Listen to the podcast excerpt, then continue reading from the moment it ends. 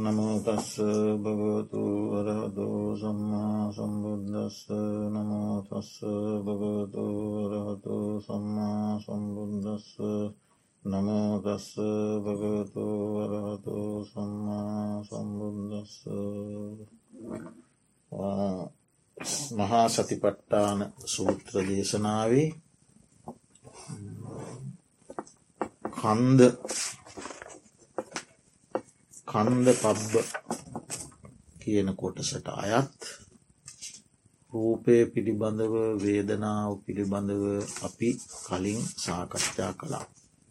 අද අපි සාකච්ඡා කරන්නේ එහි ඉතිරි කොටස. ඒ කොටසේදී බුදුරජාණන් වහන්සේ දේශනා කරනවා ඉති සංඥා ඉති සංඥාය සමුදයෝ ඉති සංඥාය අත්තංගමු. ඉති සංකාරා ඉති සංකාරාණන් සමුදයෝ ඉති සංකාරාණං අත්තංගමු. ඉති විඤ්ඥානං ඉති විඤ්ඥානස්ස සමුදයෝ ඉති විඤ්ඥානස්ස අත්තංගමෝති.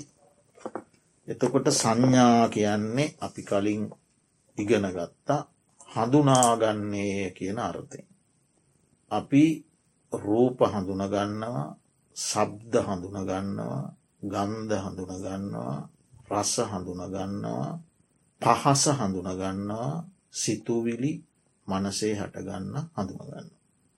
ඊට අමතරව තවත් දේශනාවල සඳහන් වෙනවා මේ නිල්ලය මේ කහාය මේ රත්තුය මේ සුදුය ආදී වශයෙන් හඳුනගන්න. එතකොට ඒ සියල්ල එකතුකොට ගත්තොත් අපි යමක් හඳුනාගන්නේද ඒ හඳුනා ගැනීමේ චෛතසිකය සංඥාවයි. එතකොට අභිධර්මයේදී සබ්බ චිත්ත සාධාරණ චෛතසික කියලා හෑම සිතකම ඇති චෛතසික හතක් දේශනා කරනවා. ඒ හතෙන් එකක් තමයි සංඥා හඳුනා ගැනීම. ඒ චෛතසිකය කුසල සිත්වලත් අකුසල් සිත්වලත් ඕනෑම සිතක තිබෙන. සංඥාවෙන්තොර සිතක්න. එතකොට එහෙමනං ඒ සංඥාව හෙවත් හඳුනාගන්නේය කියන අර්ථයෙන් යෙදෙන එය එක ස්කන්ධයක් පංච උපාදානස්කන්දයට අයත් එකක්. එතකොට ස්කන්ධ විග්‍රහයේදී රාසි අර්ථයෙන් සමූහ අර්ථයෙන් මේ හෑම ස්කන්ධයක්ම නැවත වෙන වෙනම එකොළහා එකොළහා එකොළහා වසයෙන් බෙදූ බවත් අපි ගෙන ගත්තා. එතවට ඒ එකොළහත් සංඥාවට අයිති. අතීත වර්තමාන අනාගත තමාගේ තමන්ගෙන් පැහැර හීන ප්‍රනීත ඕලාරික සියුම් දුරපිහිටි සහ ළඟපිහිටි සංඥා. එතවට යම් හඳුනා ගැනීමක් වේද. ඒ සියල්ල මේ සංඥා ස්කන්දයට අයිති. ඉතින් බුදුරජාණන් වහන්සේ දේශනා කරනවා මේ ස්කන්ඩ භාවනාවේදී ඉති සංඥා මේ සංඥාවයි ඉති සංඥාය සමුදය මේ සංඥාවේ හට ගැනීමයි. ඉති සංඥාය අත්තංගමු මේ සංඥාවේ වැනසීමයි. හටගෙන නිරුද්ධවීම නැතිවී යාමයි. තෝට ඒක දැනගන්න ඕන. ඒක බලන්ඩ ඕන. ඒක මෙනෙහි කරන්න ඕන. ඒක හඳුනාගණ්ඩ ඕන. ඒ හඳුනා ගැනීමේ ක්‍රමවේදේ තමයි මෙතන උගන්න. භාවනාවක් වශය. මේ සංඥාව මේ සංඥාවේ හට ගැනීම මේ සංඥාව නිරුද්ධවීම නැත්නම් වෙනසීම වැෑවීම කියන කාරණ. අපි රූපයක් සබ්දයක් ගන්ධයක් රසයක් ස්පරසයක් සිතුවිල්ලක් හටගත්තම දැනුනම ඉන්ද්‍රයන්ට ගෝචර වුනාම ඒ වගේම නිල් කහරතුවාදී සංඥාවක් ලැබුණම රූපයක් සබ්දයක් වශයෙන් මෙනෙහි කිරීමෙන් හෝ දැනීමක් දැනීමක් දැනීමක් දැකීමක් දැකීමක් කියලා මෙනේ කිරීමෙන් හෝ ඒ සංඥාව ෂණයක් පාසා මොහොතක් මොහොතක් මොහොතක් පාසා හඳුනාගෙන නැතිවෙලා යන ස්වභාවයක් කියන එක තේරුම් ගණ්ඩ ලැබෙනවා. භාවනාවක් වශයෙන් පුරුදු කළ. හඳුනාගත්තා නැති වුණ හඳුනාගත්තා නැති වුණ හඳුනාගත්තා නැතිවුණ. ඒ විදිහට ඒ දැකීම සංඥාව හටගෙන නැසෙන දෙයක් බව ප්‍රත්‍යක්ෂ වශයෙන් අවබෝධ කිරීම. එයා දැන් දකිනවා. එතකොට එයාට පුළුවන් ඕන්නම් ඒ සංඥාවේ අතීතය බැලීම. අතීතයේ මම මොන තරන්නම් හඳුනා ගැනීම් කළා. ඒ හඳුනාගත්ත කිසිීම දෙයක් මේ මොහොතේ නෑ. ඒ හඳුනාගත්ත සියල්ල ඒ ඒ තැන ඒ ඒ තැන ඒ ඒ අතීතයේදීම නිරුද්ධ වෙලා ගිය ඒව වර්තමානයට ආවිනෑ. අතීතයේ හඳුනාගත්ත සංඥා හය හඳුනාගන්න තැනම නිරුද්ධ වන වර්තමානයට ආවිනෑ. එතකොට වර්තමානයේ මේ හඳුනාගන්නා සංඥාවනුත් මේ හඳුනාගන්න තැනම නිරුද්ධ වෙනවා අනාගතයට යන්නේ නෑ. කියල එයාට උපකල්පනය කරන්න පුළුවන් අනාගත සංඥා මෙහෙම තම. අනාගතයේ යම් සංඥාවක් හඳුනාගන්නේ දේ හඳුනාගන්නා සංඥාවලුත් මෙම හටගෙන නිරුද්ධ වී යන ස්වභාවයෙන් යුක්තයි කියලා අතීත වර්තමාන අනාගත වසයෙන් බලන්න පුළුවන්. ඊළඟට ඕලාරික සියුම් වසයෙන් බලන්න පුළුව මම මහත් වූ සංඥා හඳුනගත්තා ඉතා සියුම් සංඥා හඳුනගත්ත. ඒ සියුම් සංඥාවනුත් සියුම් සංඥාවන් මහත් බවට පත් නොවී ඒ සියුම් තැනදීම නැති වුණ. මහත් සංඥාවන් සියුම් බවට පත් නොවී මහත් තැනදීම නැති වුණ. එතකොට ප්‍රනීත ප්‍රිය මනාප සංඥා මම කැමති සංඥා.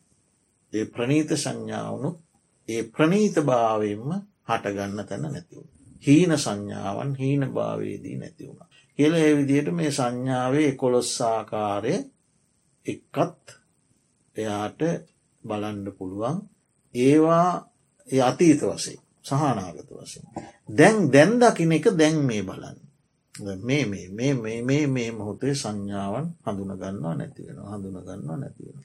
අතීතාදී වශයෙන් බැලීම දැන් මේ මොහොතේ ඉඳගෙන අතීත සංඥා දෙස බලලා අතීත සංඥාවන්ගේ හටගෙන නැසුන ස්වභාවය බලලා ඒ පිළිබඳ කලකිරීමක් ඇති කරගන්නට උපකාරවෙන. සංඥාවන් කියනවා හඳුනගත්තා නැතිවුණා හඳුනගත්තා නැතිවුණා හඳුනගත්තා නැතිවුණා එනම් මොකක්දම මේ කාලයම කරලා තියෙන සංඥා හඳුනනවා නැතිව. කියන මේ මොහොතේදී ඔහුට පුළුවන් උත්සාහය ඇති කරගන්න. කලකිරීම ඇති කරගන්න. දැන් සංඥා හඳුනා ගැනීමට උපකාරයක් කරගන්න. ඉති ඒ විදිහට ඕක ඉතින් ලොකු ක්‍රියාදාමය. ඒ ප්‍රත්‍යක්ෂය දැන් දැන් මේ මොහොතේ දකිනාදී. කොටින්ම කිවොත් හඳුන්නනවා නැතිව හඳුනාගන්නවා නැති. ඊළඟට එයාට පුළුවන් මේක භවයත් එක්ක බලන්ට සමුදය නිරෝධී. භවයත් එක්ක බලන්නේ අතීතයේ අවිද්‍යාව තිබුණ නිසා. ශය නොකළ නිසා ප්‍රහාණය නොකළ නිසා. තන්නාව ප්‍රහාණය නොකළ නිසා. කර්මය ශය කළේ නැති නිසා. ඒ අවිද්‍යා තෘෂ්නා කර්ම නිසා මට ලැබුණා නාම රූප සහිත භවයක්. එහි නාමයට සංඥාව අයිති. එතවට මේ සංඥා කියන ස්වභාවය මට ලැබුණේ අරාතීතයි අවිද්‍යා තෘෂ්නා කර්ම නිසා. ඒක මේ දැම් ප්‍රත්‍යක්ෂය එකක් නෙමේමේ. අ ප්‍රත්‍යක්ෂය තමයි දැන් දකින ස්වභාව. දැන් සංඥාව ඇතිවෙන නැතිවෙන ස්වභාව ප්‍රත්‍යක්ෂයි දැන් දකිනවා. මේක මේ භවයත් එක්ක බලන්නේ එක අනුමානයක්. අවිද්‍යා තෘෂ්නා කර්ම. නිසා මට නාමරූප සම්තතියක් ලැබෙන. ඒ සම්තතිය සංඥාව තියෙනවා. එතෝට දැන් දැම් මේ මොහොතේමං මට සංඥාවල් ලැබෙන්නේ ඉස්පර්ශය නිසා. හරි අතීත වසයෙන් අවිද්‍යාව තෘෂ්නා කර්ම නිසා නාමරූප සන්තතිය ලැබීම සහ මේ මොහොතේ මම සංඥා ලබන්න ඉස්පර්ශය නිසා. ඉස්පර්ශයන් නැත්තම් සංඥානෑ මේ මොහොතේ ස්පර්ශය සංඥාට ගන්න ස්පර්ශයකයන් ඇස රූපය විඤ්ඥානය තුනෙහි එකතු. ඇස රූපය චක්කු විඤ්ඥාන ඔන්න එකතු. ස්පර්ශය. ස්පර්සය නිසා තමයි මේ වේදනා සංඥා මේ ඇති ස්පර්ශය. හරි? ලාට කන ශබ්දය සෝත විඤ්ඥානය එකතුව අන්න ඒ නිසා වේදනා සංඥා ඔව ලැබෙන ඊළඟට නාසය ගඳ සුවඳ ගානවිඤ්ඥ ඒ තුනෙහි එකතුව ස්පර්සය ස්පර්ශය නිසාම ස්පර්ශයක් නම් එතන වේදනා සංඥා ඇතිවෙන්ට ඕන ඇතිවෙන එතවට දිව රසය ජීවහාවිඤ්ඥා කය පහස කායවිඤ්ඥා මනස දම්ම මනෝවිඤ්ඥ ඒ ඒ ඒ ඒ ස්පර්ශයන්. ඒ කාණ්ඩ තුන තුන තුන තුන එකතුවීමෙන් ස්පර්ශහයක් හැදෙනවා. ඇසෙහි ස්පර්ශය කණෙහි ස්පර්ශය නාසේ ස්පර්ශය දිවේ ස්පර්ශය කහේ ස්පර්ශය මනසේ ස්පර්ශ. ඒ ස්පර්ශයම් ප්‍රත්්‍ය කොටගෙන තමයි මේ සංඥාව හටගන්න අන්න. එතකොට දැන් සංඥාවේ සමුදයමකක් දෙතකොට පස් පස්ස සමුදයෝ සංඥා සම. ස්පර්සය නිසා සංඥාව හටග. ඊළඟට මේ සංඥාව කියන එක සන්තතිය. සන්තතියේ පැවැත්ම. එතකොට ඔන්න තැන කරුණු පහයි. ඒ ඒ අනුමානය. අනුමානයක් වුණට මේක අනුමානයකුත් නෙවේ ස්පරසයෙන් සංඥාව හට ගන්නවා කියන එක ප්‍රත්‍යක්ෂ කරගන්න පුළුවන්. අවිද්‍යා කර්ම තෘෂ්නා කියන එක තව අපි දැකල නෑ. නමුත් ස්පර්සයෙන් සංඥාව හට ගන්නවා කියන එක දැන්දෙන් දකින්න පුළුවන් අපිට. මේක ස්පර්සයෙන් හටගත්ත සංඥාව. ස්පර්සය හඳුනාගෙන ස්පර්සය හඳුනාගෙන මේක සන්තතියක් කියන එක දකිින්ටත් පුළුව මේ සංඥාව ගණ වශයෙන් අපි සංඥාවක් කියලා අල්ලගත්තට මේක මේ සංඥා වැලක් හටගෙන හටගෙන නැසී හටගෙන හටගෙන නැසී යන සංඥා සන්තතිය ආන්න එහෙම දකිනවා. එතකොට ස්පර්ශය නිරුද්ධ වෙනවන සංඥාවක් නෑ. ස්පර්ශයෙන් සංඥාව හටගන්නවන ස්පර්ශ නිරෝධයෙන් සංඥා නිරුද්ධ. හරි ඒ ස්පර්ශයක් හටගණ්ඩ හේතු අර කරුණු තුනක් එකතු වෙන්න බෑ. ඒ කරුණු තුනේ එකක්වත් නොයදුනොත් ස්පර්ශයක් නෑ සංඥාවක් නෑ. නෑ නෑ අතන ඇස රූප විඤ්ඥාන. ඒ කරුණු තුනක් එකතුවීම නිස්පර්ශය. ඔව සම්පස්සය. එතෝට තුනෙන් එකක් හරි නැතිවුණොත් සම්පස්සේ නෑ. සම්පස්සේ නැත්නම් සම්පස් යන සංඥා වේදනාවකුත්න සංඥාවකුත්න හරි? තොට පස්සේ ඇත්නම් විත් සංඥාව තියෙනවා. පස්සේ නැත්තම් සංඥාවන මනසත්යමයි මනස දම්ම විඤ්ඥාන මනස දම්ම විඤ්ඥාන ඒ තුන එකතුවෙන්ට ඕන. එක තමයි ස්පර්ස එතවට ස්පර්සය නැත්නම් සංඥාව දට එහෙමනම් සංඥාව පටිච් සමුපන්න හේතුන් නිසා. හටගත්තුද සංඥාව අහේතුව පච්චේවාදයක්වත් දේව නිර්මාණයක්වත් නෙවේ දේව නිර්මාණයකුත් නෙවෙයි හේතු ප්‍රත්‍යයන්ගෙන් තොරව හටගන්න දෙකුත් නොව පටිච්ච සමුපන්න ධර්මය. අන්න ඒ විදිහට ඉතින් කියනවා වගේනම ඉතින් ඒක භාවනාවේදී දැක්කිය යුතු දෙයක්. සතිපට්ටානය වඩන කෙනෙක් ඉතින් ඒම දකින්න. දකිින්ඩ ඕනේ. සංඥාව මෙම දෙයක්. එතකොට තමයි දික්ටි මානෝලින් මිදෙන්නේ. එතකොට මේ එයා හඳුනාගන්නා දේවල් කාගේවත් කැමැත්තකට හෝ දෙවියන්ගේ කැමැත්තකට හෝ ඊස්වාර ඊශ්වර නිර්මාණවාදයක් හෝ එයා එක ගන්න එයා දැන් යථාර්ථය දකිනවා. එයා සියලු දිට්ටිවලින් මිදෙනවා. හරි මම හඳුනනවා මම දකිනවා කියන ආත්ම දෘෂ්ටියනුත් මිදෙනවා. මතකොට මම හොඳ හොඳ සංඥා ලබනවා අනිත් අයි මන්තරම් හොඳ සංඥා ලැබෙන්නෑ කියන මාන්‍යයනුත් මිදෙනවා. තන්හාමාන දිට්ටි කැඩිලයනවා ඒක දකිනවා. එක නොදක්නාකම නිසා තමයි මම මම නායක කෙනෙක්කේ මම උගත් කෙනෙක්කය මම බුද්ධිමත් කෙනෙක්කය මට හොඳට වැටහෙන කෙනෙක්කය කියල ඔය සංඥා අල්ලගෙන ඒ සංඥාවන් මම කියලගෙන මාන්‍යය අදාගෙන ඒ සංඥාවන් තුළ දෘෂ්ටිගත වෙලා සංඥාවන් නොදන්නා අවිද්‍යාවත් හටගෙන සංඥාවන් තුළ ඇලීමේ තෘෂ්ණාවත් හටගෙන අවිද්‍යා මාන තෘෂ්ණා දෘෂ්ටි ආදී නානා ප්‍රකාර දේවල් අටගන්නේ ඒ නොදන්නාකම. තොට දන්න කෙනාට දැනගත්තැන් පස මේම මෙතැදි කැඩිලෑනවා. ඊළඟට සංකාර. සංකහාර කියන්නේ අපි කලින් ඉගෙන ගත්තා චේතනා. රාසි හය. ඒ කියන්නේ රූප සංචේතන සද්ධ සංචේතන ගන්ධ සංචේතන රස සංචේතන පොට්ටබ්බ සංසේතන දම්ම සංචේතන රූප ශබ්ද ගන්ධර ශිස්පරස දම්මයන් කෙරේ ඇතිවෙන චේතන එකත් චෛතසිකයක් එතකොට චෛතසික එක පෙල්ලට තනි චෛතසිකයක් තනි එකක් ගණයක් නෙමෙයි එකින් එක එකින් එක හටගමින් නැතිවමින් යන චේතනා රාසියක් චේතනා රාසිය. රූපයක් පිළිබඳව වේදනා සංඥා හටගෙන චේතනා හටගත්තම ඒ චේතන රාසියක්.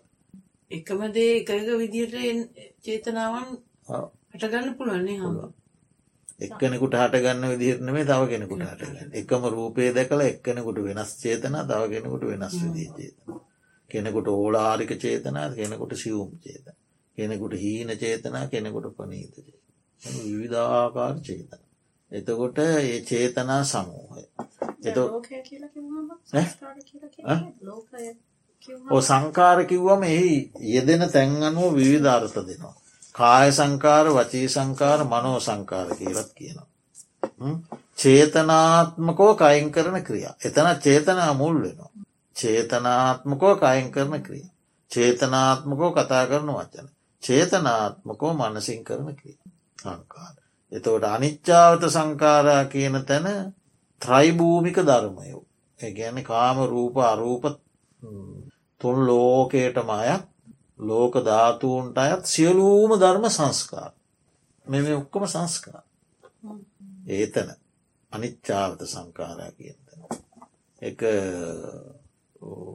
විවිධ විදිහේ විග්‍රහ තියෙන පටිච්ච සමුපාදයේදී ගන්න ක්‍රමේ තියෙනවා අනිච්චාවත සංකාරා කියන තැනදී ගන්න ක්‍රමේ තියෙනවා සංයුක්ත නිකායේදී ගන්න චේතනාරාසිහය එතවට දැම් මෙතෙන්දි සංකාර කියන්න චේතනා චේතනා. එක චෛතසිකයන්ගෙන් එක එතකොට ඒ චෛතසිකයන්ගෙන් එකක් කිව්වට බෑ.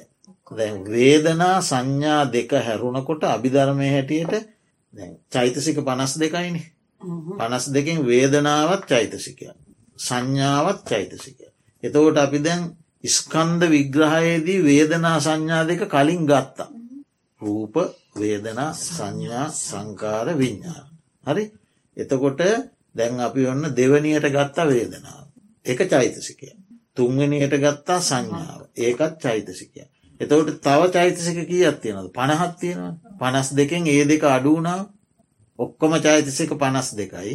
වේදනා සංඥා දෙක ඇරුණාව තල් චෛතසික පණහත්තියෙන ඒ පණහාව සංකා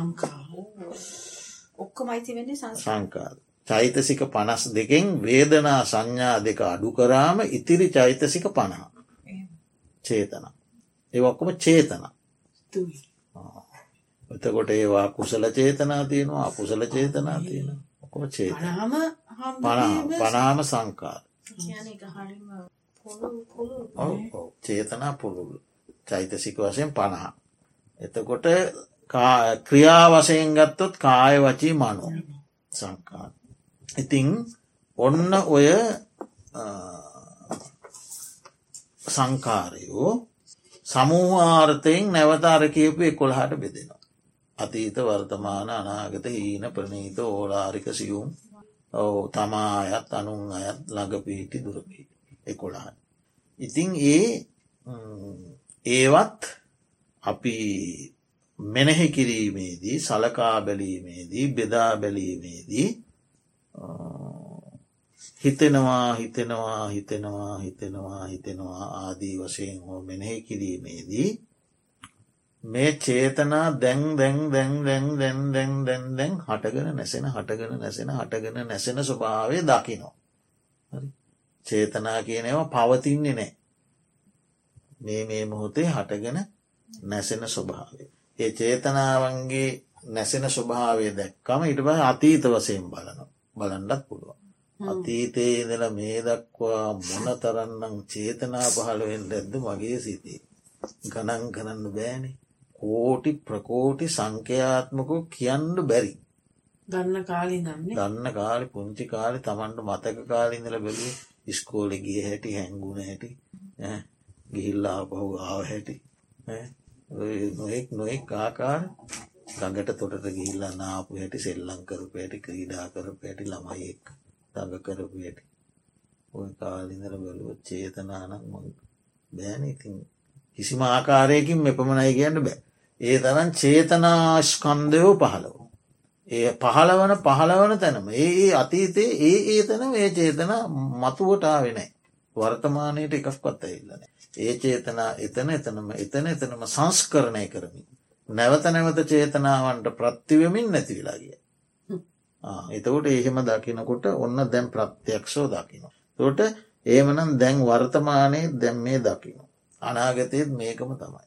අනාගතයත් මේ විදිහට මේ චේතනා පහළවීම කවදා අතරවේද. අතරවීමක්ගතව පහළ වෙන. එවන අනාගතයක් දකිනවා. එකට ඕලාරික සිවුම් මේ විදිහටත් බලන්න පුළුව. බලලා අන්න දැන් ඒ දැන් ස්වභාවය සහ ඒ ස්වභාවය තුළින් අතේ තනාගතයටත් ගිල්ල එම බැලුව. ඊළඟට අපි බලනවා අර අනිත් ක්‍රමේ කෝමද අනුමාන ක්‍රමේ. එතකොට දැම් මේ චේතනාස්කන්දයක් හෙවත් සංස්කාරයෙන් ඇතිවුණේ අතීත අවිද්‍යාව ත්‍රශ්නාව කර්ම. ඒවාශය නොකළ නිසා නාමරූප සන්තතියක් ලැබුණ ජීවිතයක්. ඒ නාමරූප සන්තතිය නාමයට සංකාර අය. හරි තෝටේ අතීත වසයෙන් බැලුව. ඊළඟට දැම් මේ මොහොතේ මේ සංස්කාරයන් පහළ වෙන්න තිස්පර්ශය ප්‍රත්්‍යයකොටගින්. ස්පර්ස අරහය ඇසෙහි කනෙහි නාසේ දිවේකායේ මනසේ. ඒ ඒ ස්පර්ශයන් හට ගැනීම නිසා චේතනාට ගන්න. ස්පර්ශය නිසා ඇතකොට වේදනාහට ගන්නවා ස්පර්ශය නිසා සංඥාහට ගන්නවා ස්පර්ශය නිසා චේතනා හටගන්න. ස්පර්ශය නිරෝධවීමෙන් චේතනා නිරුද්ධ.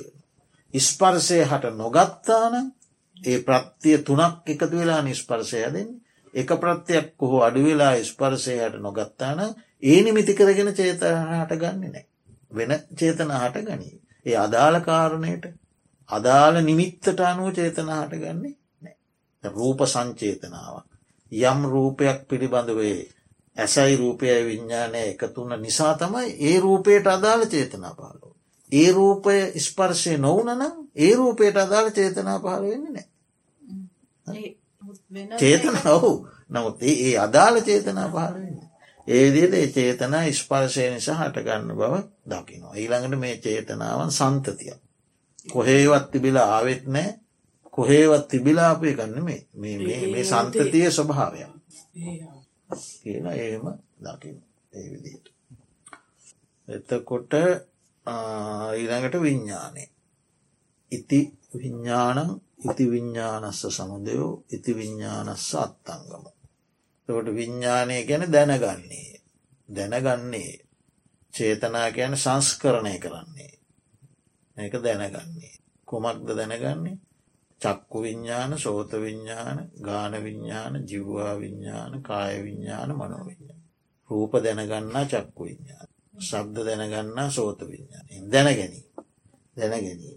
ඒ විඤ්ඥානයත් එතවට දැන් අපි මුලින් කතා කළ සංකාරයත් සංකාර ස්කන්ධයත් එතකොට පටිච් සමුපන්න දෙවියෙක් හෝ හේතු පල හේතු නැතිව හෝ අට ගන්න අහේතුව පච්චයක් නෙමේ පටිච්ච සමුපන්න මේ හැම එකක්ම පටිච සම්ප තුට විඤ්ඥානය විඤ්ඥානයක් තිරන දැන් දැනගැනීම.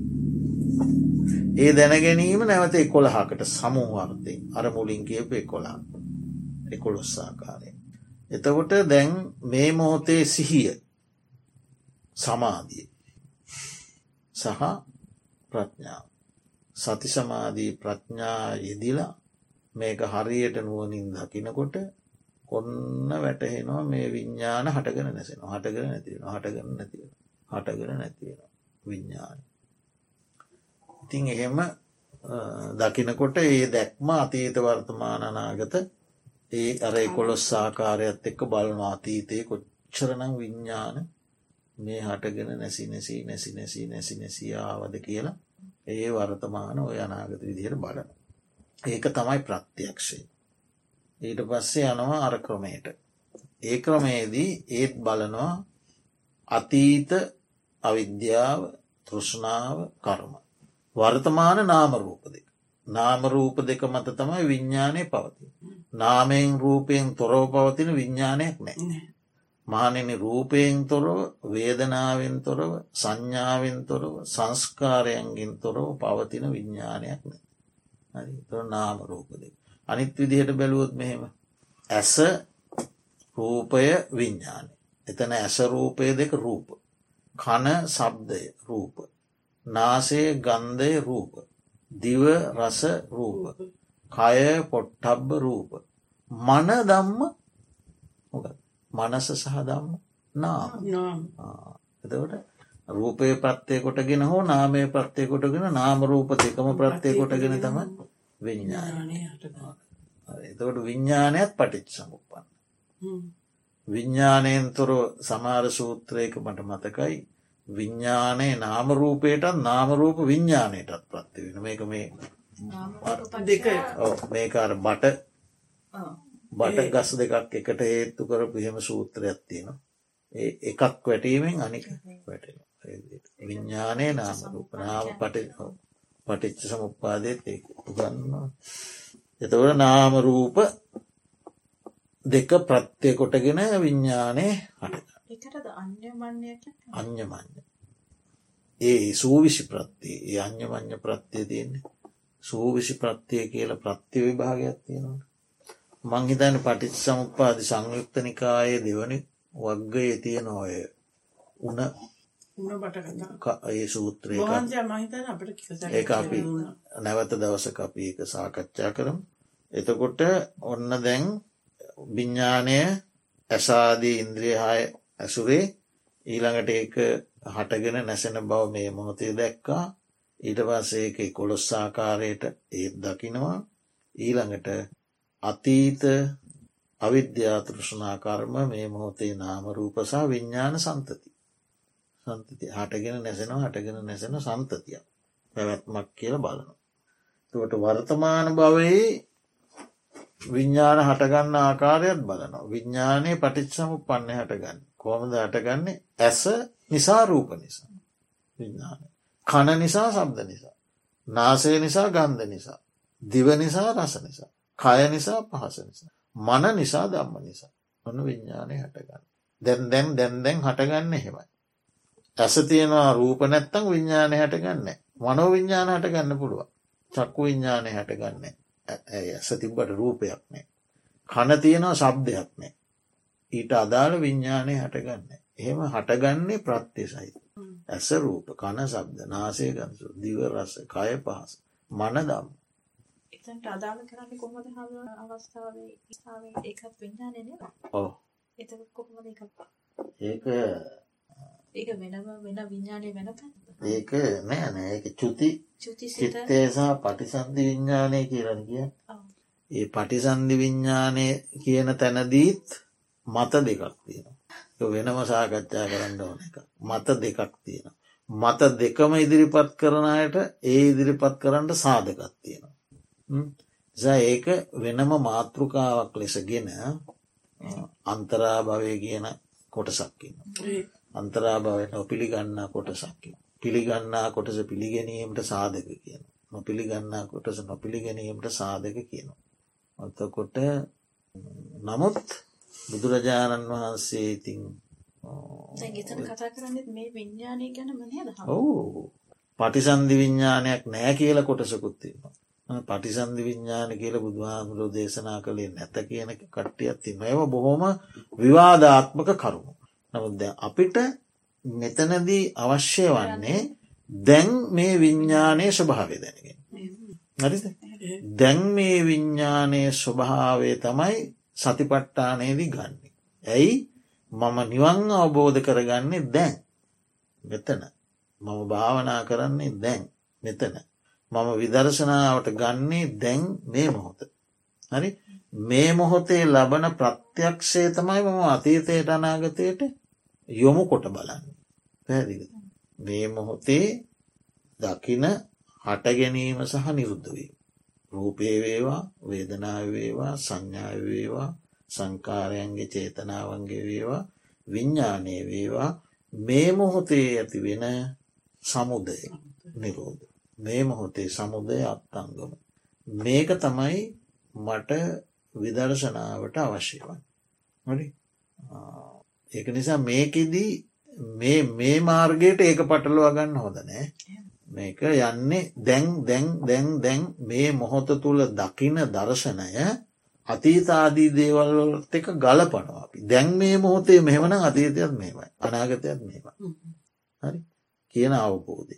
එතෝට දැන් මේකට අර වාදවල ගත්තොත් පැටල ඒක වෙනම වෙනම දෙයක්. ඒක වෙනම සාකච්ඡාවක් මේකට සම්බන්ධ කරන්නේ. එතකොට අන්න ඔය විදියට දැන් ඔන්න ස්කන්ද. ස්කන්දයන්ගේ සමුදය මේ මොහොතේ දැකීමත් එකොළොස් ආකාරයේ බැගින් ස්කන්ද පහට පනස් පස් ආකාරයකට බැලීමත් එකකට එකොළහා ගාන ඒ විදියට බැලීමත් එතෝට දැන් මේ මොහොතේ දැක්ක සමුදේවය මේ මොහොතේ දැකෙන එකින් අපි අර කොළහට බැලුවා ඊට පස්සේ අපි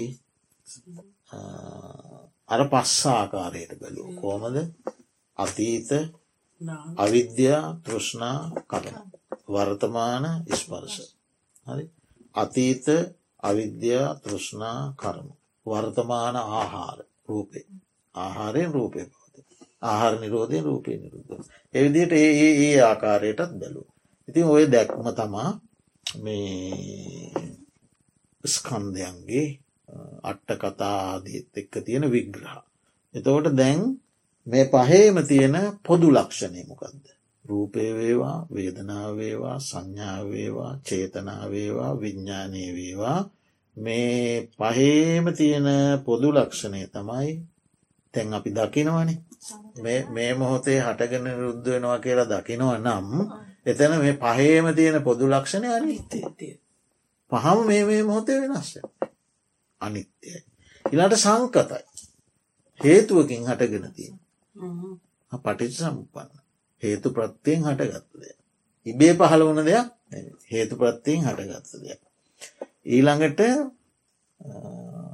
මෝතක් මෝතක් මෝතක් පාස ශේවවී යන දෙයක්. කය දම්. ෂය වෙනවා කියල කියන්නේ.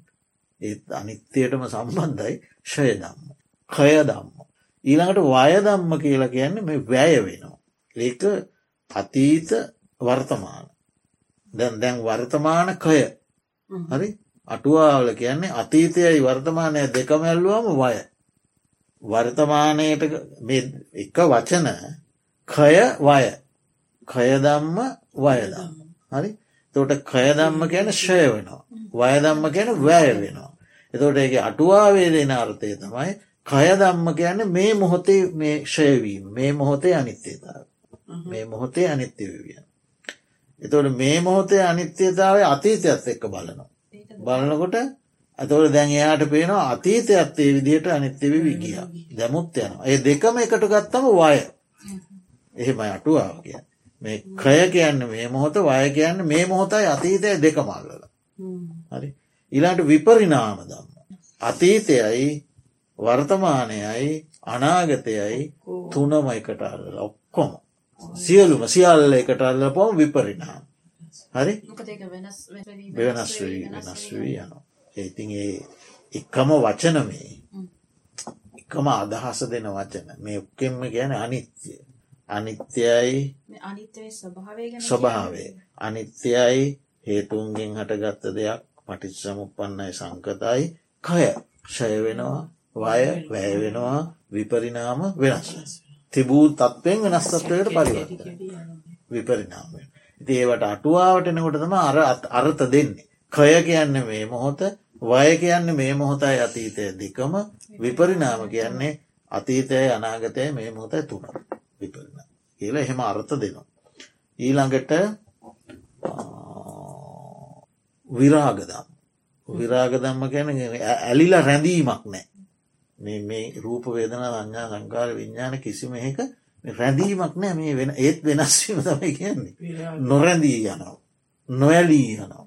විරාගන නිරුද් නිරෝධ දම්ම ගැන නිරුද්ධ වෙලා එම වචන ගණනාවක් තියෙන කය අනිච්ච සංකත විප පටිච්ච සමුපන්න කයදම්ම වයදම්ම විරාග දම්ම නිරෝධ දම්ම විපරිනාවද මේ පහම් එතකොට එතෙන් දෙනකොට දැන් විදර්ශනාවේ හොම ගැඹුරට ගිහිල්ලද ඒ ගැඹුරට ගිල්ල ඉතින් එයා බලන මේ රූපය නිත්‍ය ධර්මයක් සංකත ධර්මයක් පටිච්සම උපන්න ධර්මයක් කහය ධර්මයක් වය ධර්මයක් විපරිනාම ධර්මයක් විරාග ධම්මයක් නිරෝධ ධම්ම හරි? එතකොට මේක මේ පහම ෂයවී යන බවින් අනිත්‍යය. මේ රූපයත් ශේවිවී යන දෙයක්. එනිසා අනිත්‍යය. වේදනාවත් ශේවිවී යන දෙයක් අනිත්‍ය සංඥාවත් ශේවිවී යන දෙයක් අනිත්‍යය. සංස්කාරත් චේතනාත් ශේවිවී යන දෙයක් අනිත්‍යය. විඤ්ඥානත් සේවිවී යන බැවින් අනිත්‍යය. ඊළඟට ඒ අනිත්‍යතාවය නිසා මේකට ඇතිවෙනවා පීඩ. එනිසා මේක දුකයි. මේක අල්ලාගෙන ඉන්ඩ සුදුසුනෑ මේක බයවිය යුතු අර්ථයක් තින් හරි? බයවිය යුතු අර්ථයක් තිය නිසා දුකයි. එතකොට ෂයවෙන අර්ථයක් නම් තියෙන්නේ බයවන අර්ථයක් නම් තියෙන්නේ මේක සාරයක් නෑර කෙසෙල් කඳක් වගේ එරඩු ගහක් වගේ පෙනබු බුලක් වගේ දියබු බුලක් වගේ මිරිගුවක් වගේ මේක නෑ. හරයක් අසාරකට්ටේ. හරයක් නැති නිසා නාන්න එහෙම දැක්කහා නිවන් තමයි. නිර්වාණ අවබෝධයට එකතයි මාර්ගයි. කියලා ඒ කන්දවක් කන්ද පබ්බ කියන කොටසේ ඔය ඉතින් සූත්‍රය සහ අටුවාවල ඒවා විස්තර කරලා තියෙන අන්තර්ගත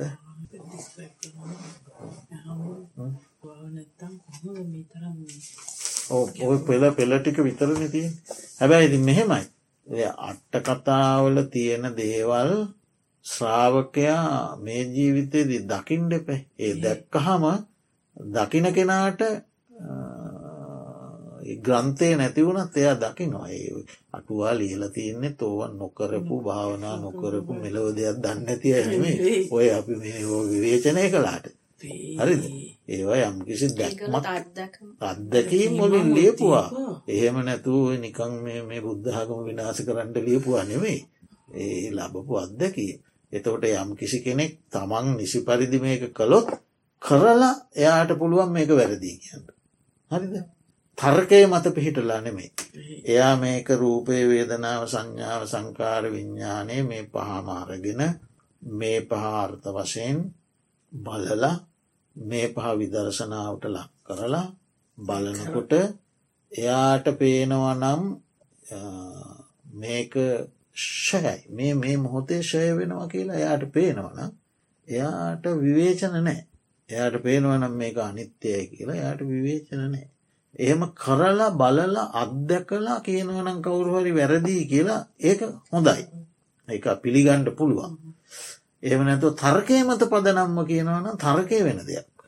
තර්කය කියන එක වෙන දෙයක්. තර්කයට පුළුවන් නැති දෙයක් ඇති කරන්න ඇති දෙයක් නැතින්න හරි? තර්කය කියන එක සත්‍ය අවබෝධයට නිවන අවබෝධ කරන්න බෑ තර්කයෙන්. එක අතක්කාවච ධර්මය හරිද? තරකයෙන් අපිට යමක් යම්කිසි මාර්ගයක් හදාගන්න පුළුවන්. නම තරකයට නිවන අවබෝධ වෙන්නේ. අනිත්‍යතාවය කියන එකත් තරකයෙන් දකිින්ට බෑ.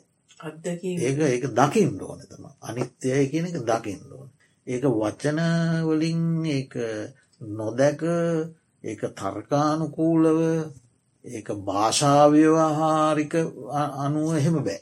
එ ඒක දකිින්ලෝ ඉතින් ඉතින් ඔය ක්‍රමය කරගෙන යන කෙනෙකුට දකින්න කරගෙන ගිහිල්ල දැකපු අය තමයි ඒ ධර්ම ග්‍රන්ථ ලිව්වේ.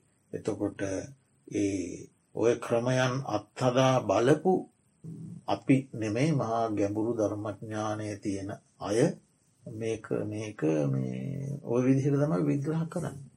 ගොල්ලොත් යම් දැක්මක් ඇතිවන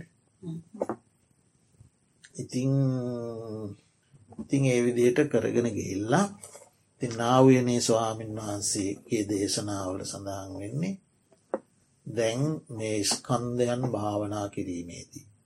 අපිකෙන් අපි රූපස්කන්ද විදර්ශනාව කරනවා ඒ කරලා අවසානයේ මේ රූපස්කන්ද විදර්ශනාවේදී පහළ වුණ නාම රූප ධර්මය. දැන් අපිකම අපි පැයක් වාඩි වෙලා විදර්ශනාව කලා මේ විදර්ශනාවේදී පහළ වුණ නාම රූප ධර්ම.